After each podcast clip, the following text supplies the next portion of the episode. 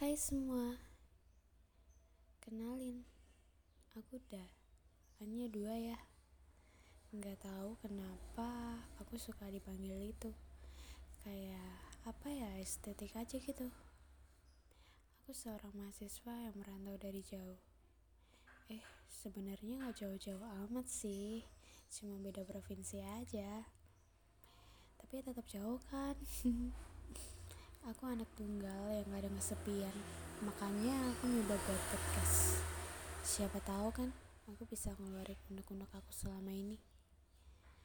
Udah segitu aja ya guys. Sampai ketemu di podcast aku selanjutnya. Bye bye.